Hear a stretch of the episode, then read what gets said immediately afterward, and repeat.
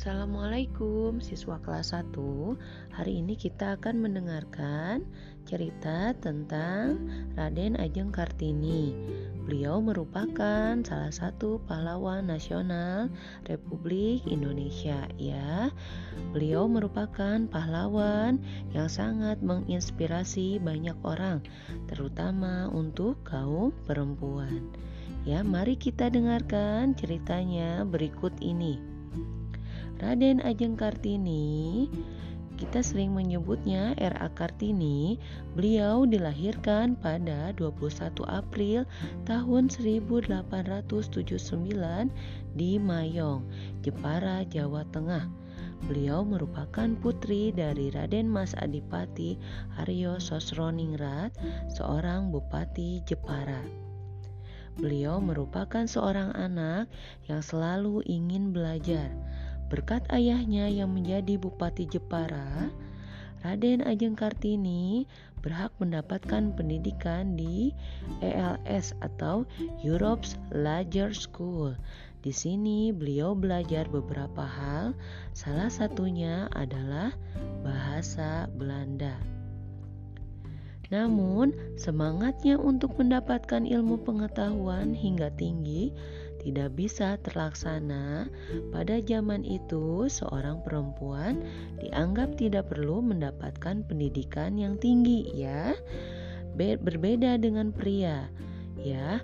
Eh, kaum perempuan tidak harus berpendidikan tinggi, mereka hanya harus menjadi ibu rumah tangga dan merawat anak-anaknya di rumah. Hal inilah yang ingin dirubah oleh Raden Ajeng Kartini. Nah, Raden Ajeng Kartini tersebut hanya mendapatkan pendidikan hingga usia 12 tahun. Setelah itu beliau dipingit sebagaimana anak perempuan lainnya. Meski tidak boleh mengenyam pendidikan yang tinggi, beliau tetap bersemangat untuk mendapatkan ilmu Caranya dengan banyak membaca koran, majalah, hingga buku-buku yang berasal dari luar negeri. Beliau juga suka berkirim surat dengan teman-temannya di Belanda. Dalam surat tersebut biasanya Raden Ajeng Kartini menceritakan tentang keinginannya untuk memajukan perempuan di Indonesia. Nah, tulisan-tulisan beliau banyak dimuat dalam majalah Belanda. Beliau sangat keren ya. Nah, beliau juga sangat ingin mendirikan sekolah.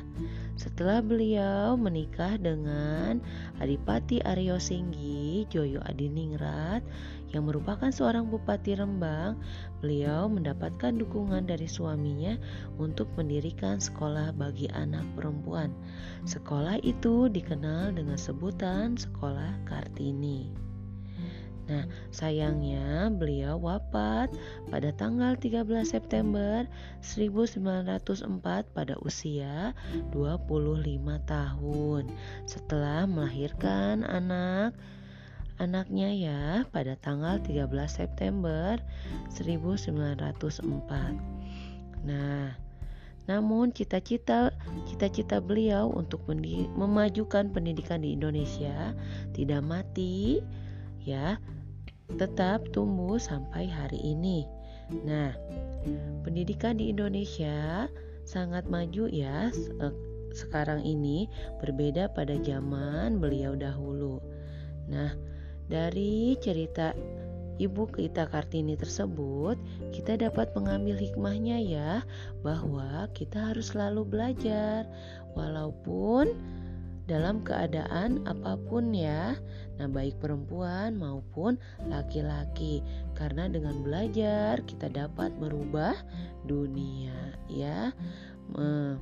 Dari cerita tersebut Semoga siswa kelas 1 dapat mengambil manfaat ya dari cerita ibu kita Kartini ya.